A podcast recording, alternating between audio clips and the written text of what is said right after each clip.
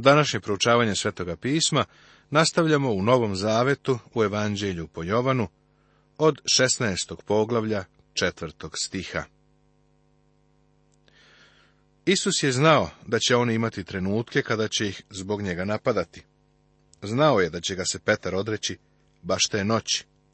Svojim učenicima je rekao šta će se desiti da bi ih ohrabrio i da bi ih obavestio da će ih podržavati kroz sve to unapred ih je upozorio da pred Bogom budu odgovorni. Isključit će vas iz sinagoge.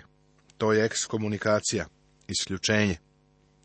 U to doba isključenje je bilo najgore što se moglo desiti religioznom judejcu. Ali to će se desiti onima koji budu zastupali gospoda Isusa Hrista. To je bila cena.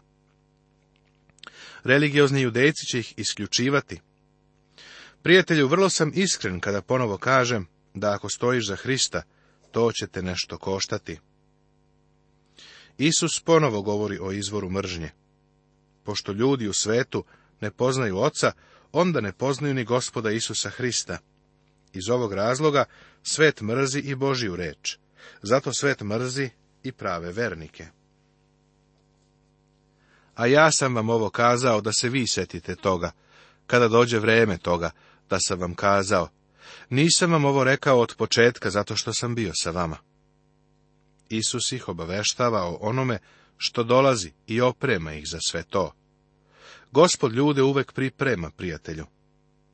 Tokom godina koje sam proveo kao pastir crkve, naučio sam da je to Boži metod. Iz ličnog iskustva, kao i kroz posmatranje drugih, uvideo sam da nas gospod oprema i priprema za ono što je ispred nas. A sada odlazim onome kojima me je poslao, i niko od vas me ne pita kuda ideš. Istina je da ga je Simon Petar pitao kuda ide, ali Petar je postavio pitanje malog deteta. On kaže da u stvari niko od njih zaista ne shvata šta će se desiti. Niko od njih nije postavio pametno pitanje, pitanje sa duhovnim uviđanjem. Nego je žalost ispunila vaše srce, zato što sam vam to kazao ovi ljudi dozvoljavaju da ih zbog činjenice da će ih Isus napustiti, tuga potpuno obuzme. Prijatelju, postoji nešto što hrišćani danas treba u potpunosti da izbjegavaju. Mnogi hrišćani dozvoljavaju da im jedno iskustvo izazove ogorčenje. Dožive neko razočarenje u pojedince ili crkvu, pa ih obuzme žalost. Tada se okrenu od Boga. Neki ne žele da priđu ni crkvenim vratima, jer su ogorčeni zbog nekih dešavanja u prošlosti. Drugi koji su izgubili svoje najmilije ostaju u trajnoj žalosti. Ovako ne bi smelo da bude. Tuga ne sme da nas nadvlada. Ali ja vam govorim istinu. Dobro je za vas da ja odem. Jer ako ne odem, pomagač utešitelj neće doći do vas. Ako pak odem, poslaću vam ga. Dobro je za vas da ja odem. Drugim rečima, bolje je za vas. Zašto je bilo najbolje da gospodi Isus ode? Navešću nekoliko razloga, ali sam siguran da bi ti mogao još nekih da se setiš. Jedan od razloga je ovo. Njegova svrha dolaska na ovaj svet je bila da umre. Jer i sin čoveči ne dođe da mu služe, nego da posluži i da dade svoj život kao otkup za mnoge. Kada je ovo bilo ispunjeno, on se vrati ocu, jer je završio posao zbog kojega je otac poslao. Zatim imamo sljedeći razlog. Kada je Isus došao na ovu zemlju, uzeo je ljudsku prirodu. Bog je sveprisutan, ali se Isus ograničio time što je postao čovek. To znači, kada je bio u Galileji, nije mogao biti i u Vitaniji. Seti se da su ga Marija i Marta podsjetile na to kada su rekli da njihov brat ne bi umro, da je on bio tamo. Drugim rečima, da je gospod Isus danas na svetu, u ljudskom telu, ne bi mogao biti ovdje gdje sam sada ja i istovremeno tamo sa tobom. Prema tome, on im kaže da će im poslati svetoga duha. Sveti duh će biti na svakom mestu. On je danas ovdje sa mnom i tu sa tobom. Isus kaže da je tako bolje. On će poslati utešitelja, parakletosa, i taj utešitelj će doći kod nas i nastaniti se u nama. Kada duh sveti dođe, obavljaće će nekoliko službi. Jednu od njih Isus ovde napominje. I kad on dođe, dokazat će svetu da ima greha i pravednosti i suda. U pogledu greha što ne veruju u mene, u pogledu pravednosti što odlazim ocu i nećete me više vidjeti. U pogledu suda, što je vladar ovoga sveta osuđen. Na grčkom jeziku za reč dokazati piše se is elegio, što znači ubediti. U suđenju Sokratu koje je napisao Platon, ova reč je upotrebljena 23 puta. Brojao sam.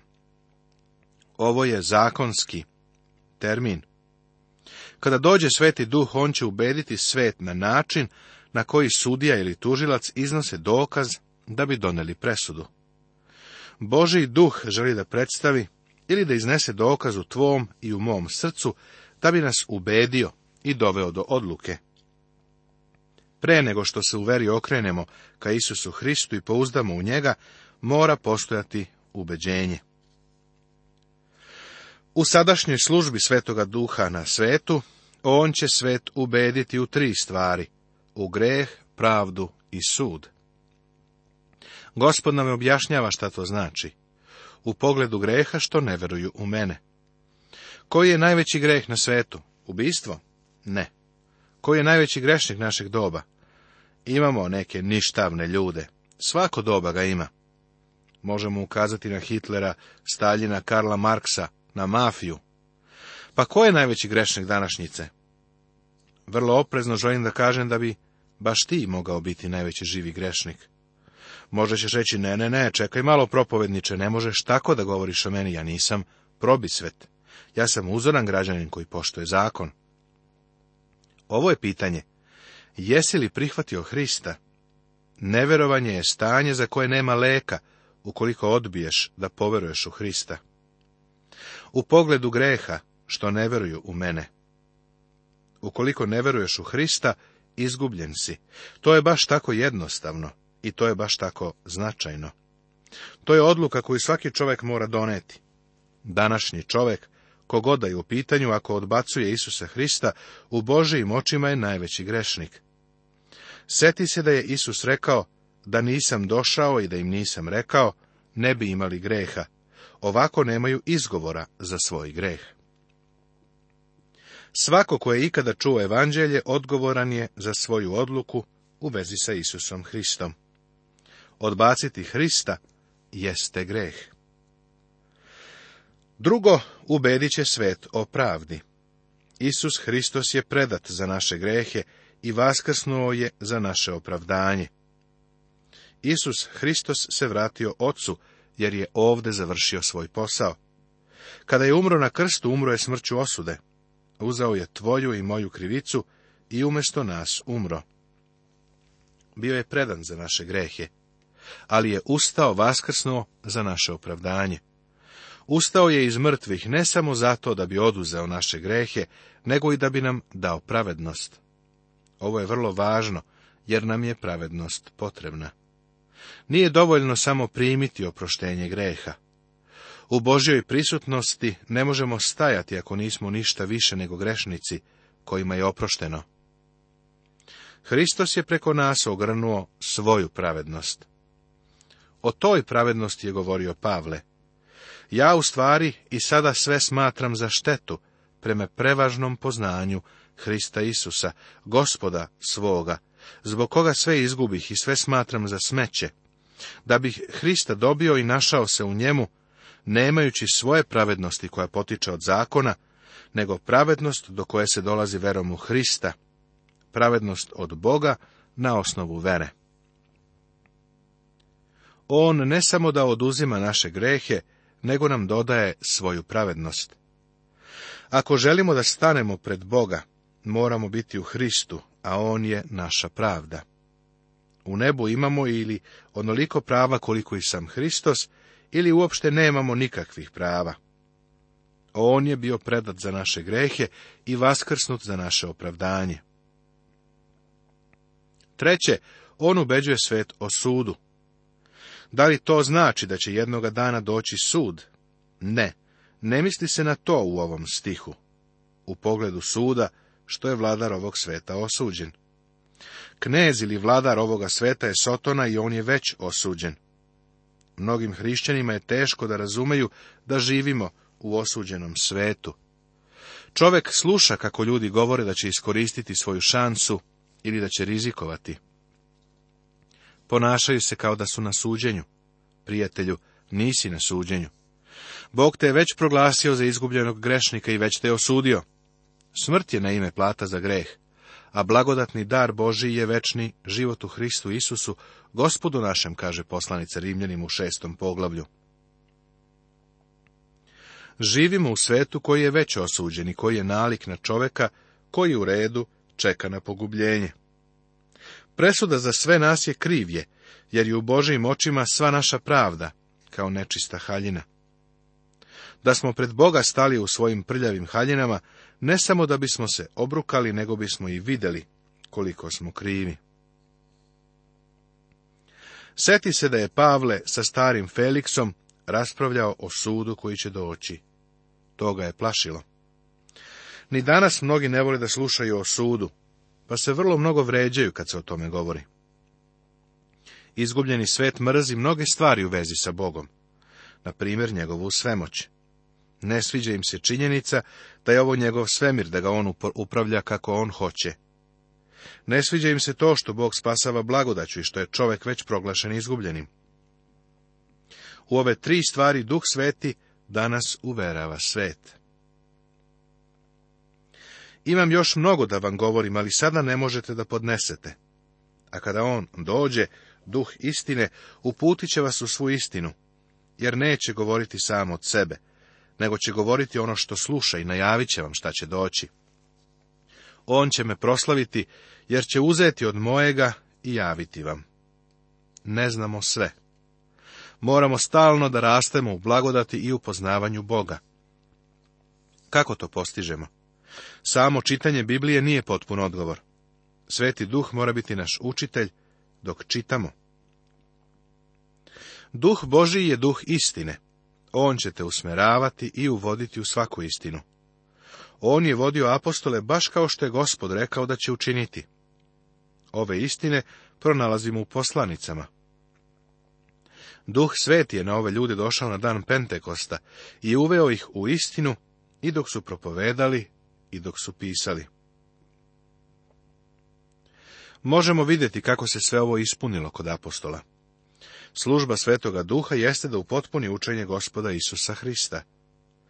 Poslanice slave Hrista i prikazuju ga kao glavu crkve. Govore o njegovom ponovnom dolasku, kada će Isus uspostaviti svoje carstvo. Poslanice su objašnjavanje osobe i službe Hrista. One nam također govore i o stvarima koje će se desiti. Knjiga otkrivenja to svakako čini. Zapazi da ovdje postoji sedam koraka. Sveti duh, duh istine je došao. Drugo, on će vas uputiti u svu istinu. Treće, on neće govoriti sam od sebe. Četvrto, govorit će sve što čuje. Peto, najavit će vam ono što će doći.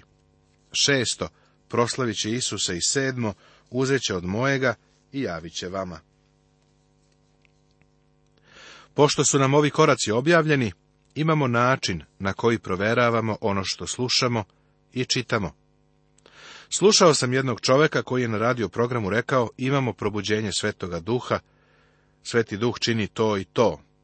A već onog trenutka je to rekao ja sam znao da sveti duh nije na delu. Zašto? Zato što je gospod Isus jasno rekao da sveti duh neće govoriti sam od sebe. Kako možeš znati da duh deluje? onda kada proslavlja Hrista. Prijatelju, kada na sastanku ili na času proučavanja Biblije odjednom bolje shvatiš gospoda Isusa, kada on za tebe postane divan, stvaran, značajan, to je delovanje duha svetoga. Isus je rekao, on će me proslaviti. Sve što otac ima moje je. Zbog toga rekoh da će uzeti od mojega i vama javiti. Gospod Isus se ponovo izjednačava sa Bogom. Sve što ima Otac, ima i Isus. On će uzeti od mojega. Ovo znači da će uzeti ono što je Božije i pokazati nama. Samo On to može. Što oko ne vide i uho ne ču i u ljudsko srce ne dođe, što ugotovi Bog onima koji ga ljube. A nama je Bog otkrio posredstvom duha. Duh ispituje Božije dubine i samo On može da nam ih objavi. Još malo i nećete me više gledati i opet malo pa ćete me vidjeti. Šta je ovim mislio? Mislio je na to da će ga uhapsiti, a da će se učenici odvojeni od njega razbežati kao ovce. Biće razapet i sahranjen. Malo će biti odsutan i tada ga neće vidjeti trećega dana on će se vratiti, pa će ga za kratko vreme oni ponovo vidjeti. Ovo za nas danas ima dublje, bogatije, potpunije značenje. A neki od njegovih učenika rekoše jedan drugom, šta je to što nam govori još malo i nećete me gledati i opet malo, pa ćete me vidjeti. I ja odlazim ocu. Govorahu dalje, šta je to malo o kojem govori? Ne znamo šta govori. Isus je razumeo da su hteli da ga pitaju i reče im, raspravljate među sobom o onom što vam rekoh, još malo i nećete me gledati i opet malo, pa ćete me vidjeti. Zaista, zaista, kažem vam da ćete plakati i tugovati, a svet će se radovati, vi ćete biti žalosni, ali će se vaša žalost obratiti u radost. Oni nisu tačno znali šta je Isus mislio. Nastupit će jedno kratko vreme kada će on biti u grobu, tri dana. Zatim je usledilo opet malo, jer će Isus otići ocu, a to je sad već dvadeset vekova. Obećao je da ih neće ostaviti bez utehe, da ih neće ostaviti kao siročiće. Biće sa njim u osobi svetoga duha. Uzet će ono što je Hristovo i to će ih učiniti stvarnim. U tom vremenu ti i ja sada živimo. U toku ovih 2000 godina, Duh Sveti je mnogim ljudima učinio Hrista stvarnim. Prolazili su kroz žalosti, saznali su šta znači biti omražen i ismejavan. Kroz sve to ih je On proveo. Naša tuga će se pretvoriti u žalost. Žena je žalostna kad rađa, jer je došao njen čas. No kad rodi dete, ne seća se više muke, od radosti što se rodio čovek na svet. Tako ste i vi sada žalosni, ali vidjet ću vas opet, pa će se vaše srce radovati i tu vašu radost ne može vam niko uzeti. Bez obzira na to ko si i gde si, prijatelju. Ako si primio Hrista, onda si Božije dete. Ako si u tuzi i ako su ti oči pune suza, ako ti je srce slomljeno, budi siguran da se novim jutrom dolazi radost. On će u tvoj život uneti radost. Kada uđemo u njegovu prisutnost i pogledamo unazad, ako i zbog čega zažalimo, to će biti zato što za Hrista nismo više trpeli. Radost njegovog prisustva će nadvladati svaku tugu koju imamo ovde dole. I u onaj dan nećete me pitati ništa. Zaista, zaista kažem vam, ako u moje ime zatražite što od oca, daće vam. Do sada niste ništa tražili u moje ime, Tražite i dobit ćete, da vaša radost bude potpuna. Ovo je već treći put kako Isus govori o molitvi u njegovo ime. Molitva u Isusovo ime se odnosi na one koji ostaju u njemu. Ne možeš tek tako da prikačiš ime na kraj svoje molbe i da očekuješ da ćeš dobiti ono što si tražio. Isus ovdje ne govori o tome. Seti se da se ovi učenici nikada nisu molili ocu u Isusovo ime. Ti i ja treba da se molimo Bogu Ocu u Isusovo ime. Neko će zapitati, zar ne možemo da se molimo u Isusovo ime? Mislim da možemo, ali zašto sebe potkradaš za posrednika? Isus je tamo gore Bogu s desne strane i moli se za tebe. Zato i mi treba da se molimo Ocu u Isusovo ime. Ovo sam vam govorio u pričama doći će čas kada vam neću više govoriti u pričama, nego ću vam otvoreno govoriti o ocu. U onaj dan molit ćete u moje ime i ne kažem vam da ću ja moliti oca za vas. Sam otac vas ljubi, zato što ste me voleli i verovali da sam ja izišao od Boga. Doći će čas. Isus se približava raspeću, času izbavljenja, radi kojeg je i došao na svet. Nakon toga oni treba da se mole ocu u Isusovo ime. On se trudi da ih nauči da otac nije surovi nalogodavac koji se nerado javlja na molitve. On govori, ako misliš da ja moram da molim oca da bude dobar i da režljiv prema tebi, ti grešiš. Sam otac te voli. Ne moram da ga molim da te voli, on te već voli.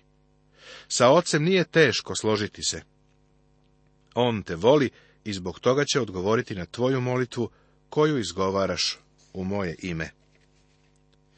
I danas Bog želi da sluša i uslišava molitve, ali te molitve moraju doći iz srca koje voli Hrista, koje je u zajednici sa njim i kojemu je poslušno. Nastavit će se.